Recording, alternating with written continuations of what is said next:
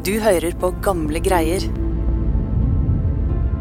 I maidagene i 1960 våkner Bodø og Norge opp til forferdelige nyheter. Vi opplevde dette som et sjokk. Eh, Plutselig så var, eh, var Bodø midt i, eh, i sentrum for, for, for verdens oppmerksomhet.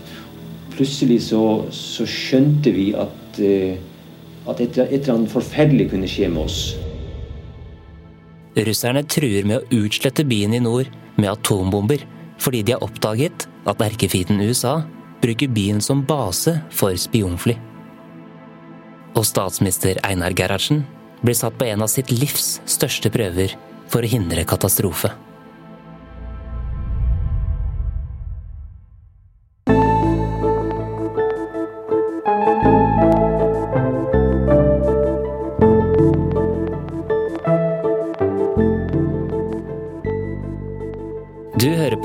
Greier, en historiepodkast fra Nasjonalbiblioteket.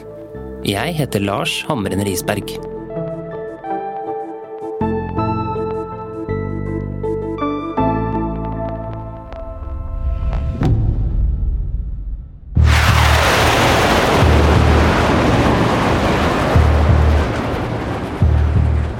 Et topp hemmelig, glinsende fly med stort vingespenn suser høyt over skyene i Sovjetunionen. Året er 1960, på den symboltunge dagen 1. mai. Flyet skjærer gjennom den tynne luften, hele 20 km over bakken.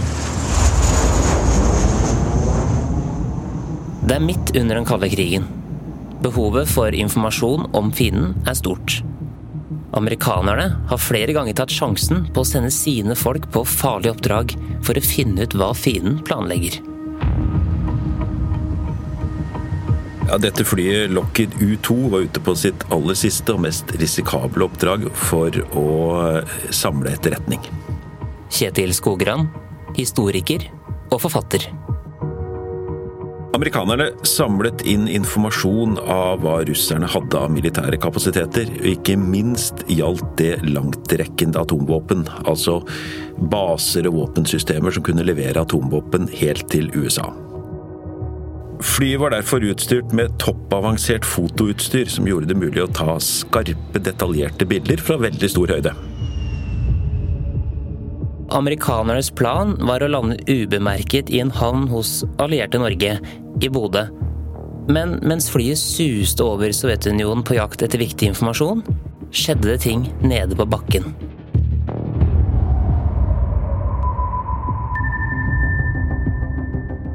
Russerne hadde nemlig oppdaget unormal aktivitet på radaren. Alarmen gikk, og de stengte luftrommet. Russerne satte i gang jakten for å finne ut hva dette var.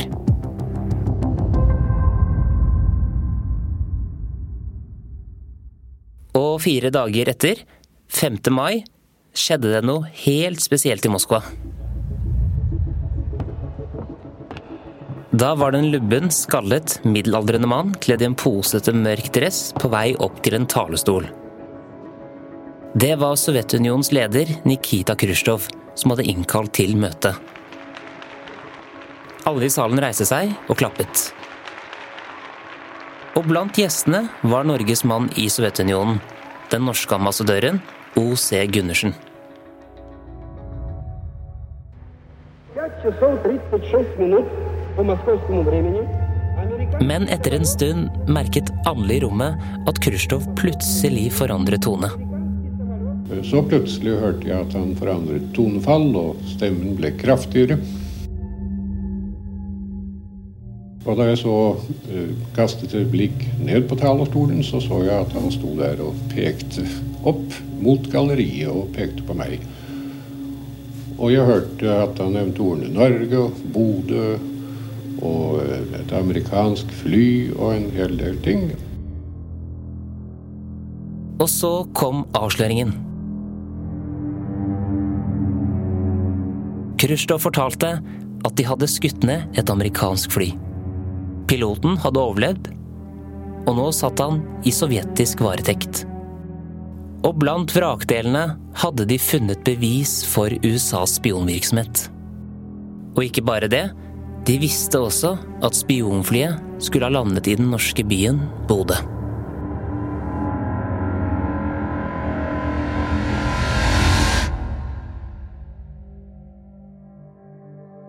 Khrusjtsjov han raste fra talerstolen mot alle land som hadde stilt flyplasser til disposisjon for spionfly.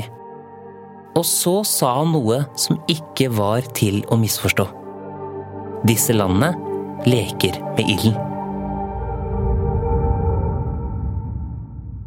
Dette må ha vært en sjokkartet opplevelse. Ja, Nå var ikke Ose Gundersen en type som ble veldig lett sjokkert.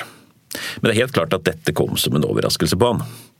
Han skyndte seg nok tilbake til ambassaden, og sendte raskt en rapport hjem til Norge om hva Khrusjtsjov hadde sagt på dette møtet. Men saken den var allerede i alle media verden over. Dette var en stor internasjonal krise og skandale. On display in Moscow, what's alleged to be the wreckage of the U-2 spy plane, which Russia claims to have shot down by rocket. Og over hele verden kunne man altså lese at lille Norge også var dratt inn i denne betente politiske krisen fordi flyet skulle ha landet her. Og den populære statsministeren Einar Gerhardsen forsto at han nå hadde fått et enormt problem i fanget. Ja, og ikke bare det, han kunne jo ikke spille med helt åpne kort. For sannheten var nemlig at regjeringen tidligere hadde godkjent at USA skulle få bruke Bodø som base for spionfly. Dette var selvfølgelig hemmelig for russerne, og det var ikke meningen at amerikanerne skulle være inne i russisk luftrom. Hm. Den norske regjeringen ønsket jo da framstå som den beroligende og forutsigbare naboen til stormakten i øst, og nå kunne det altså se ut til at Norge hadde lurt russerne. Og at regjeringen hadde lurt sitt eget folk, og det så ut som om Norge risikerte å bli første mål for russernes våpen i en tredje verdenskrig. Dette var nesten ikke til å tro. Morgenbladet 10. mai 1960. Statsminister Nikita Khrusjtsjov erklærte mandag kveld at Sovjetunionen vil ta represalier overfor land som tillater amerikanske fly å bruke deres flyplasser til slike oppdrag. Ved en gjentagelse av en slik episode vil Sovjetunionen svare med en aksjon mot militæranlegg på disse lands territorier.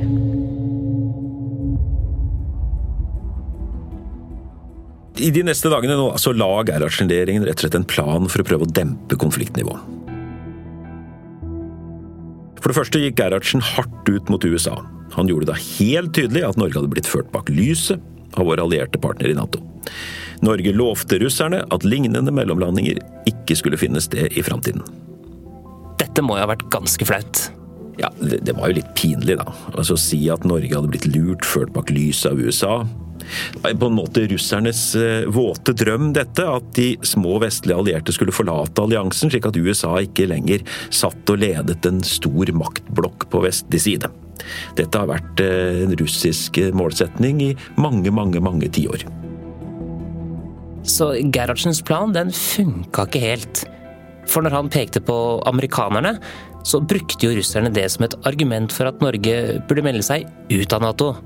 Selv om han ikke alltid var begeistret for forsvarsalliansen, så mente jo Gerhardsen at det var Norges beste beskyttelse mot det kommunistiske Sovjet, som han ikke stolte på. Ja, så krisen her den var på ingen måte løst, men russerne kom ingen vei med, med drømmen sin om å få Norge ut av Nato.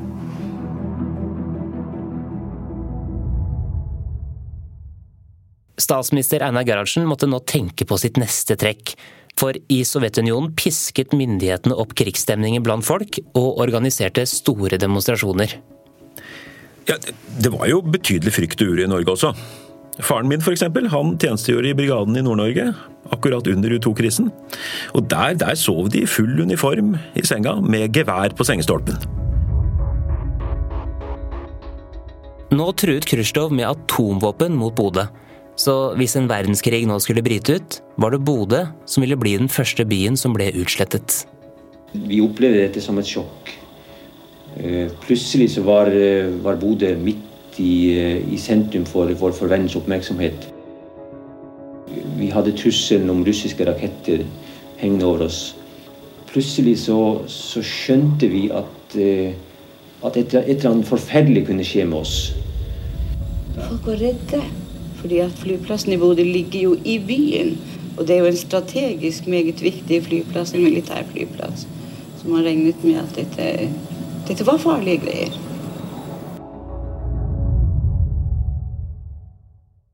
Og så skjedde noe som virkelig økte konfliktnivået. Før hendelsen med spionflyet var det avtalt et toppmøte i Paris, hvor USA og Sovjetunionen skulle møtes for første gang til en fredskonferanse. Temaet for dette viktige møtet var å snakke om nedrustning. Og nå truet Sovjet å avlyse hele greia hvis ikke USA la seg flate og gikk med på deres krav. Og hjemme i Norge fikk Gerhardsen dette med seg. Nå hastet det virkelig med å kjøle ned kampstemningen mellom stormaktene og vikle Norge ut av konflikten. Ja, så Nå hadde Gerhardsen muligheten her til å spille et politisk spill på aller øverste nivå, og bruke evner som han nok også mente selv at han hadde. Eh, og neste mulighet her, det fikk han rett og slett servert rett i fanget. For allerede før hendelsen med det amerikanske spionflyet, så hadde sovjetiske toppolitikere blitt invitert til Norge av regjeringen som en vennskapelig gjest. Og til tross for at Khrusjtsjov var rasende på Norge, så kom faktisk de russiske politikerne som avtalt. 9. mai landet en delegasjon med toppolitikere fra Sovjetunionen på Fornebu flyplass i Bærum. Ja, og En brikke da i Gerhardsens plan var jo å avholde en middag for gjestene, der han selv kunne bruke sitt talent for å skape god mellommenneskelig kontakt og harmoni. For det var jo sånn at Norge hadde allerede understreket overfor Sovjet at vi var blitt ført bak lyset av USA, men disse truslene hang fortsatt over oss. Så her gjaldt det å skape tillit til at Norge hadde rett i sin påstand om at de var uvitende. Så Gerhardsen han eh, måtte virkelig nå banke inn hos russerne at Norge var en uskyldig part, og dermed trekke Norge ut av krisen, og samtidig kanskje også dempe, bidra til å dempe denne farlige internasjonale situasjonen som hadde oppstått mellom supermaktene. Og nå måtte Gerhardsen bruke sine diplomatiske evner til å holde de rette tingene hemmelig. Ja, for han snakket jo ikke helt sant. For i mars 1960 så hadde nemlig Norge fått en forespørsel fra amerikanerne. De ønsket å bruke flyplassen i Bodø for å drive etterretningsoperasjoner med fly i internasjonalt farvann. De skulle altså fly høyt, høyt oppe og ta bilder på skrå innover russisk område. Og regjeringen ga grønt lys, men premisset var at flytoktene de skulle kun foregå i internasjonalt luftrom. De skulle ikke krysse grensen inn mot Sovjetunionen, men det at Norge faktisk hadde gitt tillatelse til amerikanske etterretningsoperasjoner med Bodø som base, det hadde ikke Gerhardsen fortalt til russerne.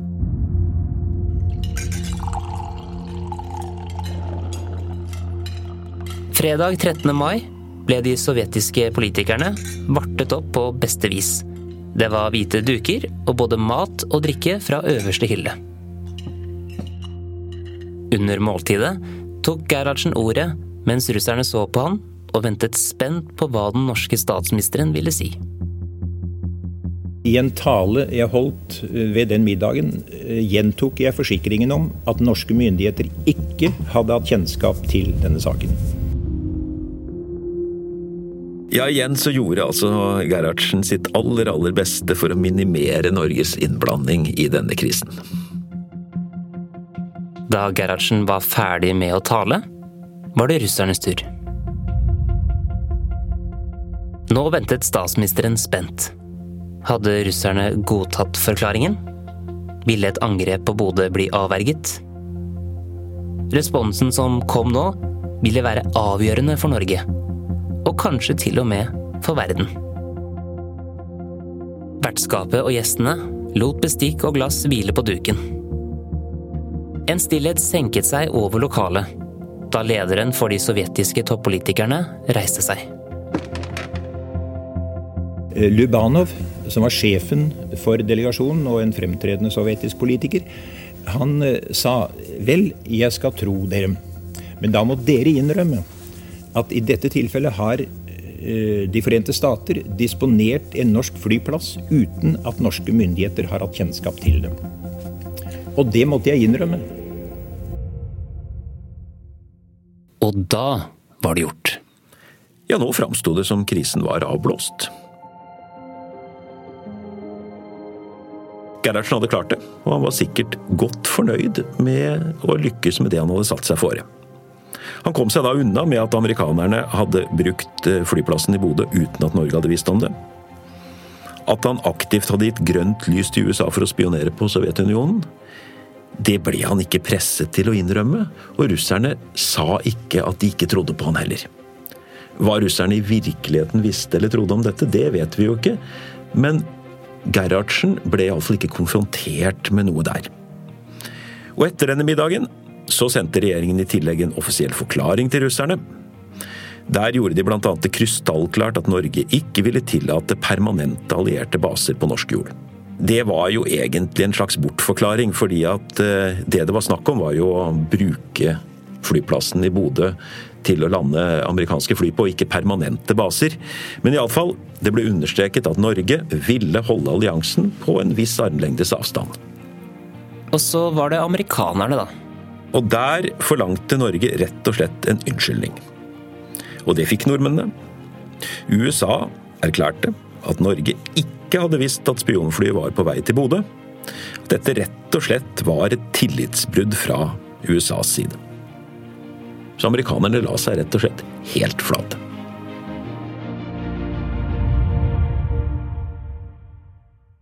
Norge hadde altså sagt ja til at amerikanerne kunne bruke Bodø som base for spionfly, men at de skulle være såpass frekke å fly over sovjetisk luftrom, det visste ikke Gerhardsen, kan vi anta. Men det var jo de andre som var rundt statsministeren som kanskje var tettere på amerikanerne. Eh, kunne de ha visst, men bare ikke rapportert oppover til eh, Gerhardsen? Jeg tenker da f.eks. på William Evang, sjefen for Etterretningstjenesten, eller generalmajoren eh, i Luftforsvaret Einar Tufte Johnsen. For mange år siden så fikk jeg tilgang til mappa med forklaringen fra disse to. Den mappa var den gangen fortsatt hemmeligstemplet, og så tenkte jeg at nå, nå skal jeg endelig få svaret på hva vi visste om U2 i Norge. Men de to forklaringene gir egentlig ikke noe svar. Evang og Tufte Johnsen svarer kort og eh, faktuelt på en del spørsmål, men på virkelig de viktige så bare forsvinner svaret ut i tåka. Så den dag i dag så må vi kanskje innse at vi vil aldri få svaret på hvem som på norsk side visste eller mistenkte at amerikanerne faktisk hadde tenkt å fly over hele Sovjetunionen den dagen da U2 skulle ha landet i Bodø.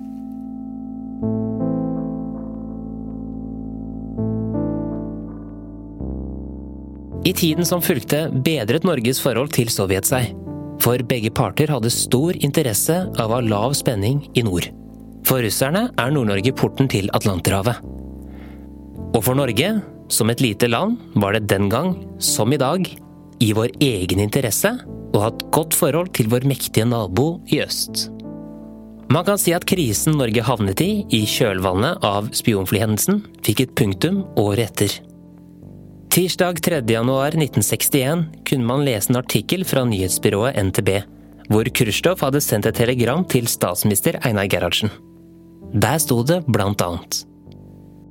Jeg uttrykker håpet om at året 1961 vil bli et år for ytterlig styrkelse av det gode forhold og det gode naboskap mellom våre land, til beste for trygging av verdensfreden. Jeg ønsker varmt at alle stater i det nye år må gjøre nye anstrengelser for å oppnå reelle resultater for å løse problemene med en alminnelig og full nedrustning, slik at menneskeheten kan unngå trusselen om en ny krig.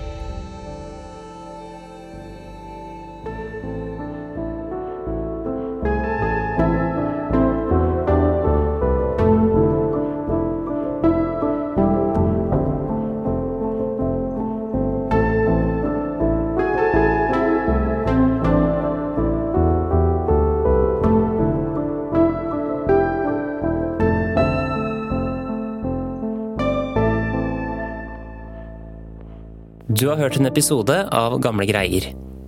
Episoden er laget av Dang Trind, Ragna Nordenborg og meg, Lars Hamren Risberg. Konsulent for episoden var historiker Carl Kleve.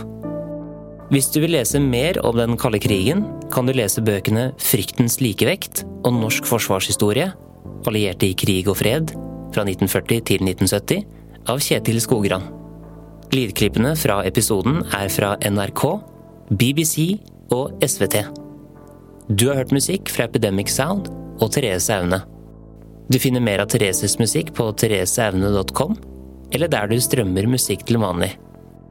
Mitt navn er Lars Hammeren Risberg. På gjenhør.